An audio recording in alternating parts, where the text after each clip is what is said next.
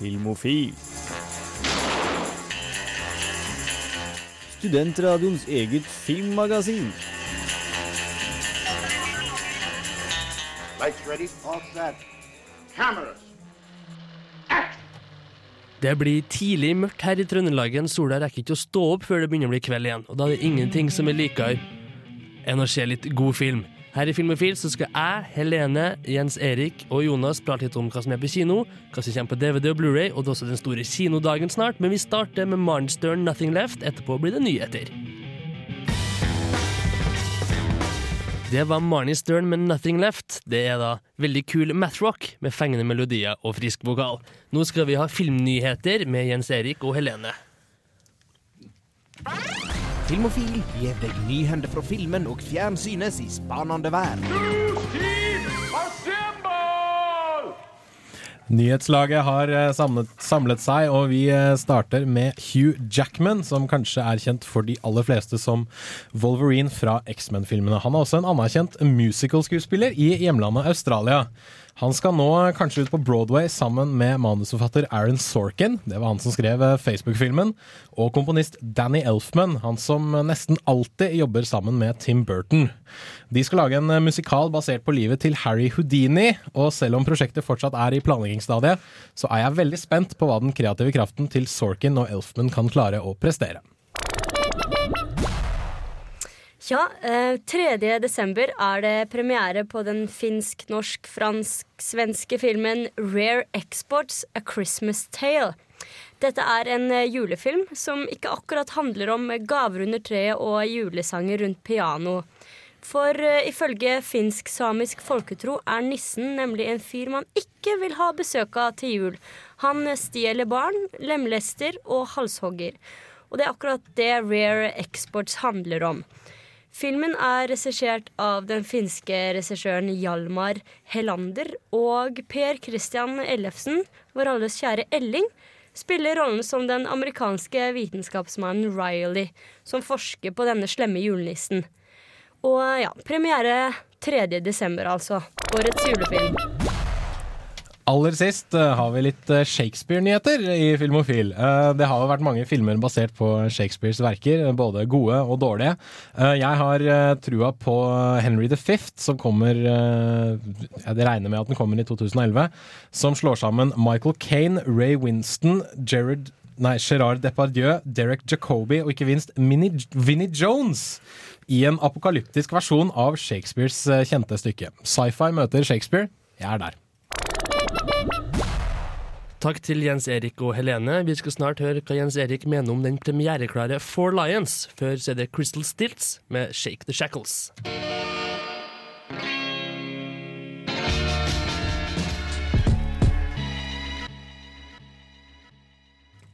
The Melody av The Left du hører på Filmofil her på Radio Revolt. Jens Erik Våler han har vært på kino og sett en komedie om selvmordsbombere.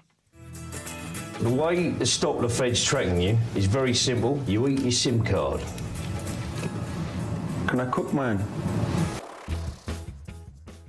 Hva får du egentlig når du blander fire radikale muslimer, en treningsleir i Pakistan, eksploderende kråker, hjemmelaget sprengstoff, banneord på urdu, en god dose paranoia og en sau?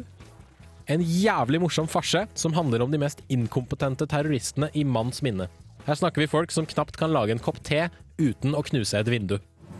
They're total idiots, so I can't even get them to stir the tea without smashing a window. Omar, Wash, Fezzel og Barry er alle britiske muslimer som er drittlei ryktet muslimer har pådratt seg, og ønsker en slutt på storsamfunnets beskyldninger. Deres løsning å bli selvmordsbombere og dø martyrdøden. Ideen bak filmen kommer fra en nyhetssak om en terrorcelle som skulle styre en båt med sprengstoff inn i et amerikansk krigsskip. Midt på natta gikk båten og terroristene i lufta. Ikke akkurat et dårlig utgangspunkt. My plan is though to put a bomb on a crow. We're way beyond crows now, Fessy. Til tross for at Four Lions handler om et ganske seriøst og alvorlig tema, er det godt å kunne lene seg bakover i kinosetet og føle latterkulene komme på løpende bånd. Det er også fint å bli minnet på at idioter finnes overalt, selv innenfor terrorceller. Manuset er velskrevet, dialogen snerten, og hovedpersonene virker som muslimske krysninger av Mr. Bean og Carl Pilkington. What we're gonna do is got a blast in history. Echo through the ages. Blow something up. What we're gonna blow up, Raj? Internet. What? Tematikken i filmen er også veldig interessant i det at terroristene våre gjentatte ganger uttrykker sitt hat for den vestlige kulturen, samtidig som de sammenligner seg selv med Rambo og forestiller seg himmelriket som å gå forbi alle køene i en fornøyelsespark. Tror du filmen kun er ute etter å latterliggjøre muslimer, tar du grundig feil. Her lever vi alle over en lav sko, politimenn, politikere og store deler av det vestlige samfunnet generelt. You, you're confused, bro. I'm not confused, brother. I just took picture of my face. It's definitely not my confused face. Til syvende og sist sitter jeg igjen med følelsen av å ha sett terroristversjonen av The Office, komplett med håndholdt dokumentaraktig kamera som aldri helt krysser over i mockumentary-sjangeren. Lattermusklene får seg en real jobbing, og regissør Chris Morris klarer fint å balansere en beksvart humor med en seriøs tematikk. Must have been God's plan. Come on, Soph. How could that plan? Well, it can't be God's plan to leave the lads Barry, can it? Det Four Lines gjør best, er å overbevise oss om at det er lov å le av alvorlige temaer, noe jeg takker den for ved å gi den terningkast fem. Greetings from your keynote speaker, known as some as the G and Det var Skibeats med Blue and Grew Enthusiast, som er henta fra en samling Miles Davis-remixer. Det fikk du her på Filmofil på Radio Revolt. Sverre Torp Solberg han har sett Jackass 3D. Vi har ikke noe lydsak på det, men du kan gå på nettsidene og lese hva han syns om filmen. Han sier bæsj, tidspromp og deler ut terningkast tre. Her er Mary Me Young med Second Hand Land.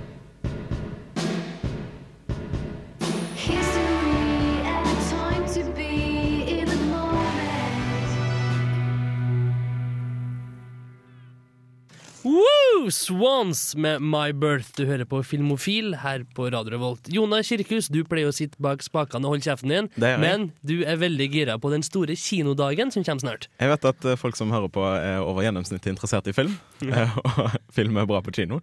Så på lørdag den 6. november så er det den store kinodagen. Over hele landet. Så da, så da kan du se alle filmene til halv pris. Og kino er jo blitt altfor dyrt, så det er kanskje en sjanse til å gå og se et par filmer eh, til samme prisen som du egentlig skulle sett en film. Takk for tipset. Etterpå så skal vi ta for oss litt eh, høsten. Det har vært halloween, og det finnes flere gode grøssefilmer som det går an å se, f.eks. på DVD eller Blu-ray. Først en annen rysare. Det er Kenny Rogers med Ruby, Don't Take Your Love to Town.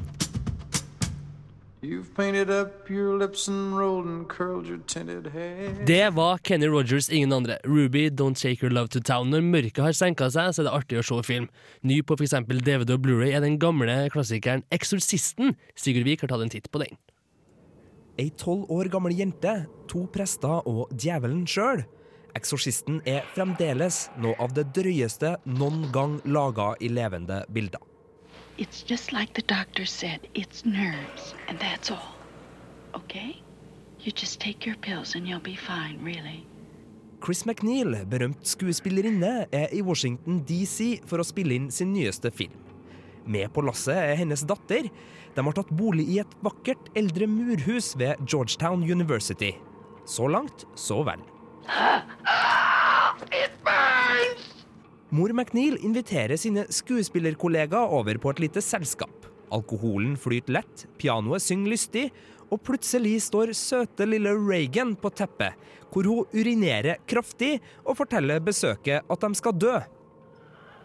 Stick your cock up her ass, you motherfucking worthless cocksucker. Be silent!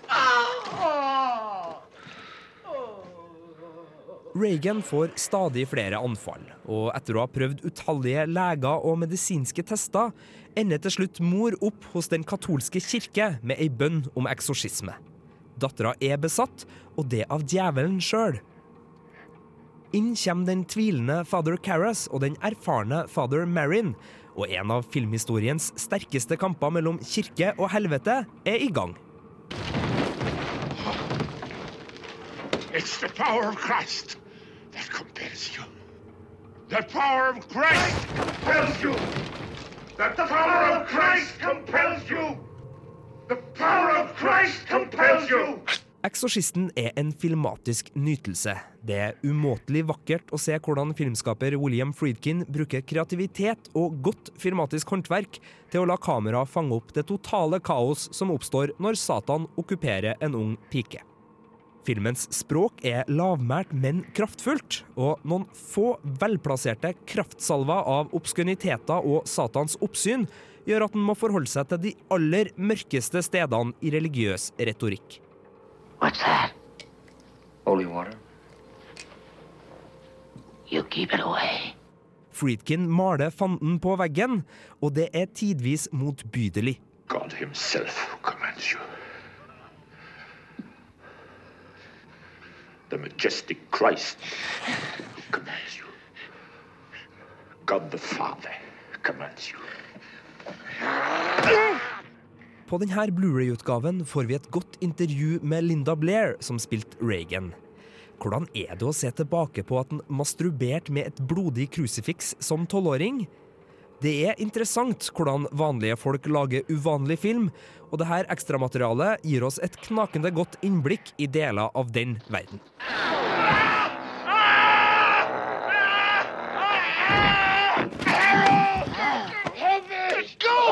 Eksorsisten er en svært god og spennende skrekkthriller som fremdeles fascinerer og frastøter. Terningkast fem.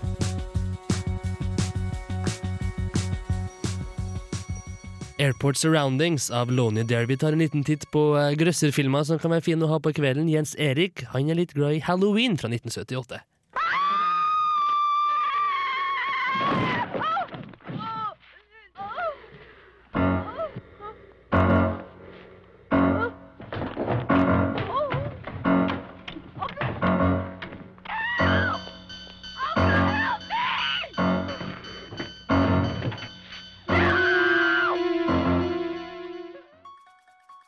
John Carpenters Halloween er prakteksempelet på at du ikke trenger stort budsjett, nyskapende spesialeffekter eller et stjernegalleri for å skape en grøsser uten sidestykke. Halloween setter sin lit til en skummel atmosfære, et ekkelt lydspor og en mann bak en maske. I spent eight years trying to reach him, and then another seven trying to keep him locked up because I realized that what was living behind that boy's eyes was purely and simply evil. 31. oktober 1963 blir seks år gamle Michael Myers sendt til mentalsykehus etter å ha stukket ned sin eldre søster. 15 år senere rømmer Michael fra sanatoriet. Det er natten før halloween, og Michael er på vei hjem. Tommy, Halloween night, it's when people play tricks on each other. It's all make believe. I think Richie was just trying to scare you. I saw the boogeyman. I saw him outside. There was nobody outside. There was What did he look like? The boogeyman. Med Halloween skapte John Carpenter det som i senere tid skulle bli sett på som filmen som populariserte slasherfilmen. Michael Myers er et monster, et ustoppelig uhyre som føler verken anger, sympati, frykt eller smerte. Sett med moderne øyne kan halloween virke en smule tam, men det Carpenter klarer bedre enn de fleste, er å skape en skummel og undertrykkende atmosfære. Vi ser aldri Michaels sanne ansikt, som alltid er skjult bak en maske som forsterker hans rolle som en destruktiv naturkraft. Flittig bruk av skygger og dunkel belysning, samt et skummelt lydspor, gjør at jeg alltid sitter på kanten av stolen i spenning. Halloween anbefales for de som er ute etter gode grøss en mørk og regntung høstkveld.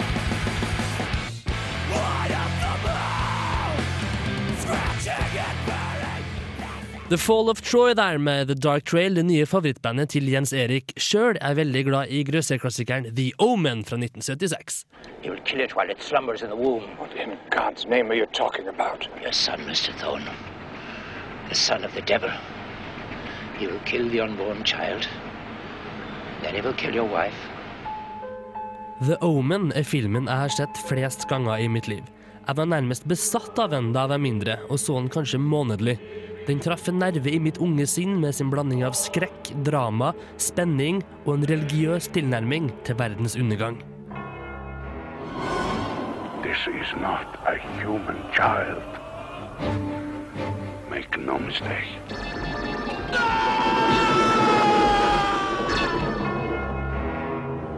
Et barn, Damien, ble født til en velstående familie, og det meste er fryd og gammen. Så hintes det til at barnet kanskje er i direkte slektskap med Satan sjøl, og at apokalypsen vil bli styrt fra den lille poden sitt sinn og hånd. Mor og far finner dette vanskelig å tro, men vi som ser på, vet at dette blir skrekkelig og herlig.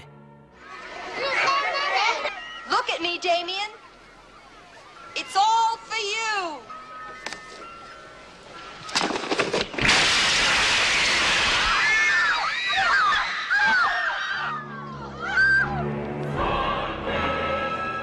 Blod og grøss er viktige elementer, men The Omen mister aldri fokus på sin historie. Godt tempo i narrativen og overbevisende skuespill skaper spenning og troverdighet. Religiøse elementer har alltid vært spennende for undertegnede, og referanser til Johannes' åpenbaring er musikk i mine ører. Overraskende vendinger og troverdige effekter, fantastisk musikk og en ganske creepy Satan junior. Jeg går aldri lei av The Omen, som er en soleklar favoritt når mørket senker seg.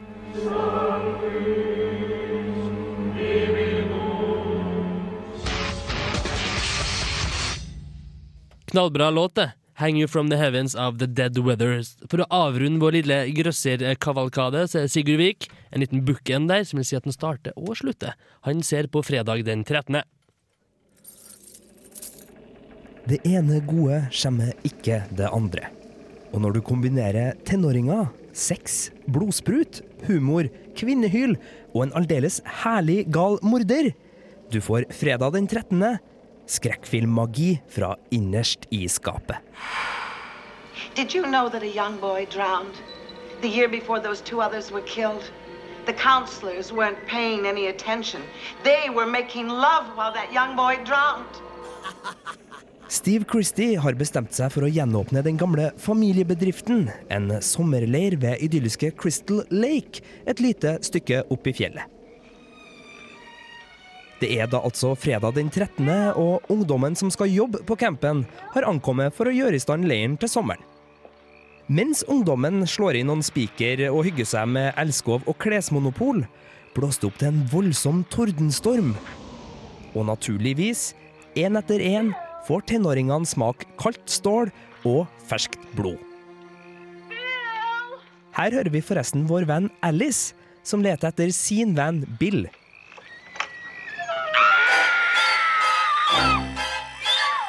Der fant han, hengende på døra med ei pil gjennom halsen. No, but it's all right. I'll take care of you. I, I used to work for the Christies. Oh, God.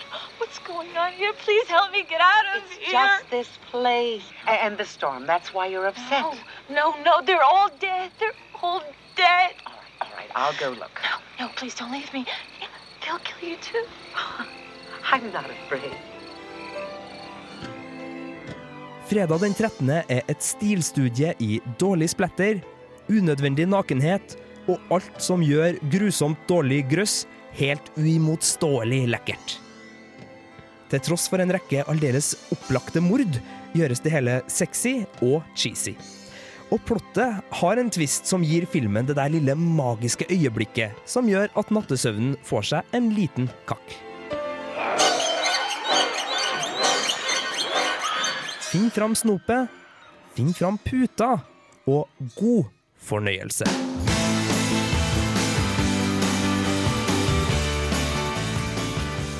Det var Nick Cave med Natureboy, en knallåt der vi vet godt hvor Sivert Høyem får sin inspirasjon fra. Ukas filmlåt er en fast spalte her i Filmofil. Jeg har fått æren gangen her å velge en gammel slager som jeg husker godt fra min tid på videregående. En låt vi spilte veldig ofte i gymmen når vi spilte volleyball. Låta er fra Gross Point Blank, en leiemorderkomedie med John Cusack. Det er Violent Femmes med Add It Up, som er ukas filmlåt her på Filmofil.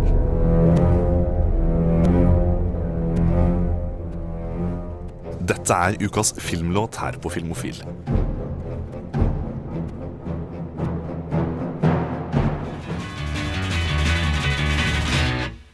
Add It Up er Violence Femmes.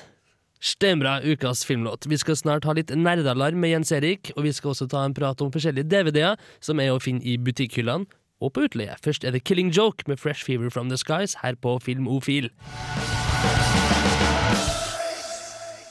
Fresh Fever From The Skies av Killing Joke. Nerdealarm vil si at vi tar for oss de litt mer om ikke kultnyheter, de litt snevre nyhetene for dem som er interessert i det litt mer skal jeg si, snevre innen film. Det er selvfølgelig Jens Erik som er sjef.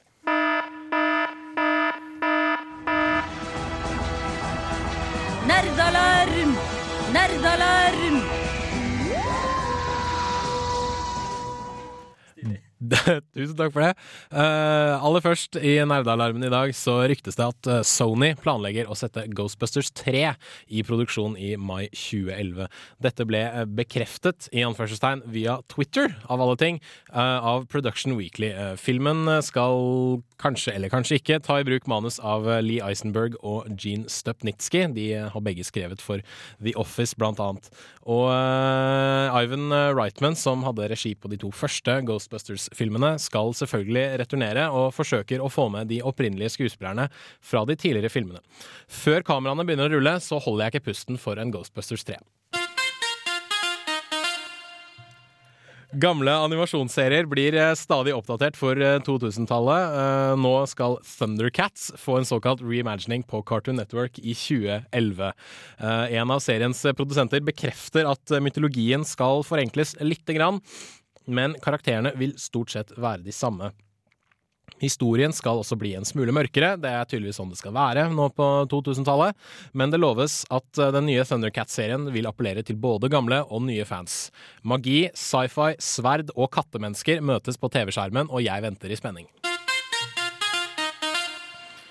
Aller sist eh, skal vi til skrekkfilmen Silent Hill, basert på dataspillserien, eller dataspillet med samme navn. Den eh, tjente tydeligvis inn nok penger til å få en eh, oppfølger, og den skal selvfølgelig spilles inn i 3D. Silent Hill Revelation 3D baserer seg på det tredje spillet i Silent Hill-serien og forteller historien om Heather Mason. Når hun plages av demoniske mareritt, må hun dra tilbake til Silent Hill og avdekke en smørk og skummel eh, hemmelighet om sin egen fortid. Filmen skal eh, regisseres av Michael Bassett, eh, mannen bak eh, Braveheart-kopien eh, Solomon Kane. Han vil forhåpentligvis gjøre en bedre jobb enn Christoph Gans, regissøren av den første filmen. Lyden du nettopp hørte, var Silent Hill-fans over hele verden som legger hodet i hendene, for filmer basert på dataspill har en tendens til å suge eselballer. Takk, Jens Erik. Jeg tar ikke halvparten av referansene dine, men det er artig å høre på. Etterpå skal jeg og Helene snakke om Dragetreneren, som har kommet på DVD og Blu-ray. Først er det Motorpsycho, Trøndelags helter med Young Man Blues. Well, the young man ain't got nothing in the world these days.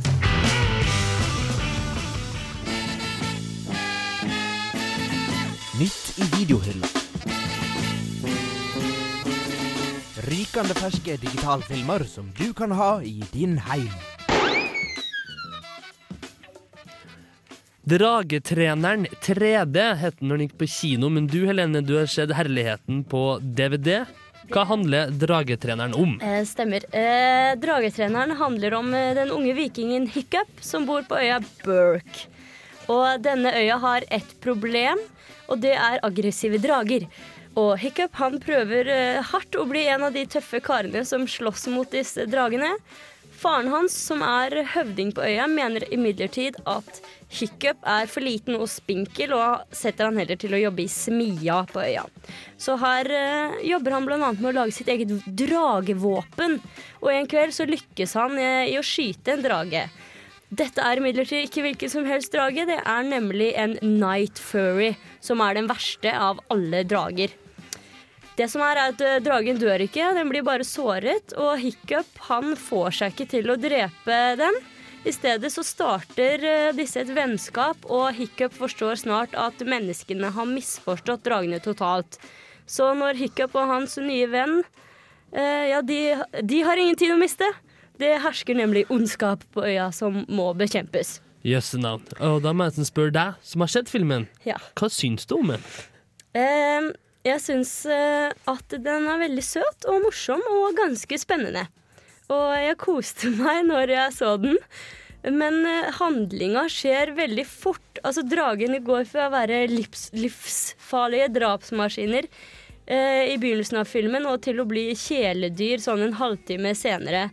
Og er det virkelig sånn at å klø de litt bak øret eller under haka og gi de en halv rå fisk, det er alt som skal til for eh, å forvandle disse det verste marerittet til vikingene og gjøre dragene om til menneskets beste venn? Tydeligvis. I en barnefilm så er det jo som regel sånn, da, for de må jo fortelle en veldig kort historie. Ja. Takk, Eh, Jens Erik. Bare hyggelig. Innspill fra Vingen. Det er bra. Ja. Um, jo, så er det også Jeg la merke til at den her skumle dragen som liksom skal være så ille, det er jo den søteste av de alle, da. Og um, ja. Men filmen er bra. Jeg syns den var bra, og som sagt så koste jeg meg. Og den er passe skummel og spennende og morsom for målgruppen som den er ment å være for. Kanskje mellom 6 og 12-13 år, vil jeg tro. Men vi liker jo å bruke uttrykket 'unger i alle aldre'. Ja. Så jeg vil se for meg at Heda er kanskje en film som små kan se med dem som er litt eldre, så kan Ja. begge få utbytte av det. Sånne som meg, altså. Ja. Og siden, siden den er i 3D, så kan den kanskje bli litt skummel for noe. Uh, jeg så den jo på DVD, og da var den jo eh, i eh, vanlig format. Og det syns jeg var litt dumt noen ganger, for det var en del scener hvor jeg tenkte at det hadde vært kult å, å sette det i 3D.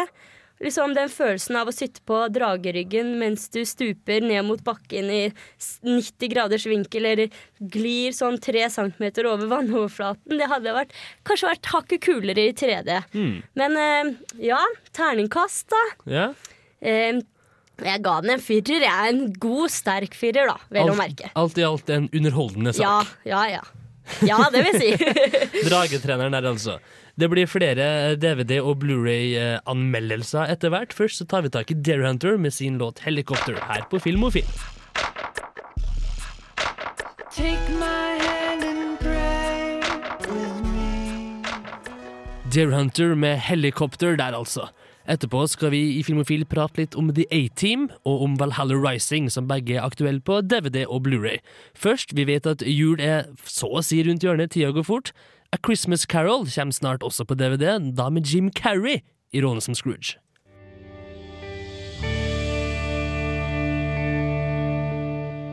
Historien om den grådige grinebiteren Ebenezer Scrooge skal være kjent for de fleste. Den klassiske julefortellingen finnes i utallige versjoner, både som spillefilm og animasjon. Robert Zemeckis står bak kamera. Han er kjent fra f.eks. trilogien Tilbake til framtiden, Forest Gump, Castaway med mere.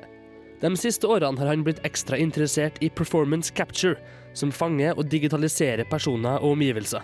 Det er sånn A Christmas Carol blir presentert den gangen her.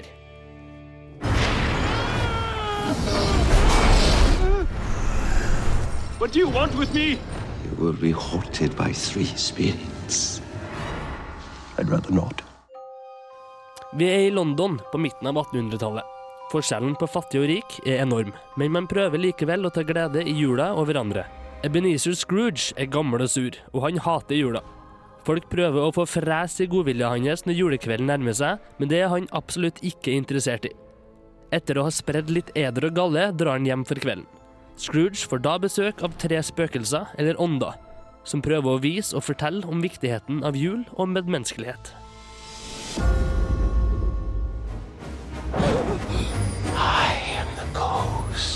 Christmas past. «Hunt me no longer!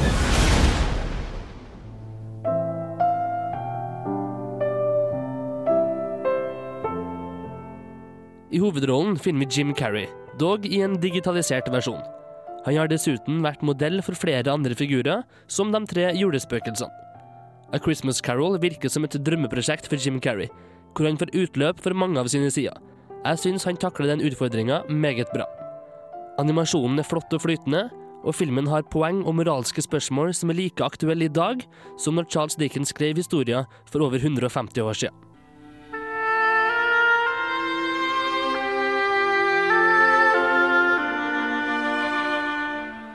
A Christmas Carol er til tider både morsom og ganske skummel, og kan fint bli en juleklassiker for min del. Ingenting nytt blir presentert da historien er såpass godt kjent, så den store wow-faktoren uteblir. Det er likevel god underholdning og en stadig tidløs tankevekker.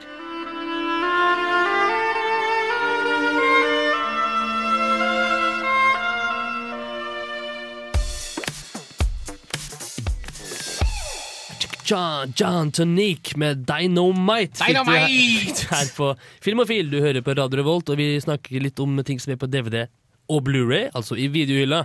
The A-Team er det mange som husker fra 80-tallet, da den gikk på TV. Filmversjonen har jo kommet igjen, Erik. Fortell meg litt om den, du. Altså En stor del av min, eh, min barndom var jo det å se filmer og TV-serier jeg ellers ikke fikk lov til å se. Og det gjaldt bl.a. blant annet eh, The A-Team. Og eh, ja, det er en slags reboot. En, en ny start da for, eh, for gjengen med en ny, ny folk på rollelista, og oppdatert da til det 21. århundre. Men eh, filmen har egentlig like mye over the top eh, vold og eksplosjoner og skyting og egentlig som, som TV-serien gjorde, da. Ja, Det jeg husker litt, jeg var jo også veldig fan av TV-serien i min tid, er at de prøvde å unngå å bruke skytevåpen og på en måte å drepe folk og være for voldelig. Ja. Og i den nye versjonen som nå har kommet, så virker det som at de har eh, senka de kravene litt, for nå, nå går det unna med kula og krutt. Ja, det gjør det, men eh, jeg får det inntrykket av at eh, disse gutta prøver å unngå å bruke våpen så lite som mulig, men hvis de må, så trekker de gjerne fram pistoler og maskingevær og alt mulig rart. Men det er actionfilm. Det er absolutt en actionfilm. En særdeles god popkornfilm, syns jeg, som, eh, som kan nytes med, med venner og et par øl og eh, et stort lerret og et skikkelig godt anlegg. Og igjen, bare for samtalens skyld, selvfølgelig, så må jeg poengtere at det som var så fint med TV-serien, at vi ble jo godt kjent med de her figurene etter hvert, og fikk et forhold og fikk våre favoritter. Ja. I filmen, så med nye skuespillere og litt oppdatert på actionfronten, så får ikke jeg helt et forhold til hvem de her mennene egentlig er, og hvorfor de er så intenst, og hvorfor de brenner så veldig for å gjøre disse oppdragene sine. Jeg føler at de blir litt sånn pappfigurer, Jens Erik. Uh, ja, de har kanskje blitt litt redusert til, eh, til liksom de groveste trekkene, men det hører jo egentlig med ettersom filmen har en, en to timers eh, historie å fortelle, og vi skal, vi skal liksom fort bli kjent med disse folka og vite hvem de er. Men sånn sett så syns jeg det er uh, man har, man har de, altså de gutta har de trekkene man kjenner igjen. da, altså Hannibal er han med alle planene. BA er musklene. Faceman er han som sjarmerer damene. Og Murdoch er klin gæren uansett. Og uh, Charlton Copley, som spiller uh, Howling Mad Murdoch, han gjør egentlig hele denne filmen.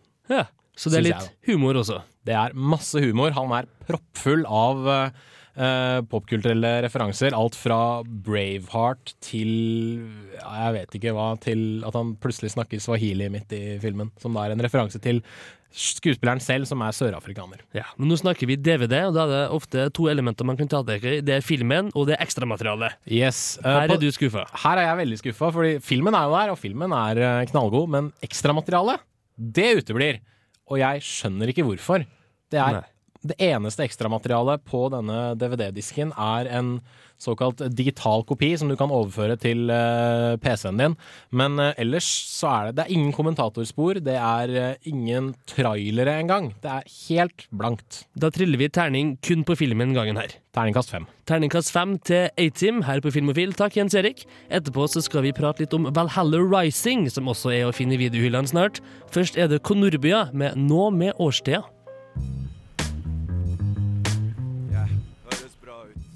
Bang! Stereo Bullet med låta Red Light. Låta Red Light, du hører på Filmofil her på Radio Levolt.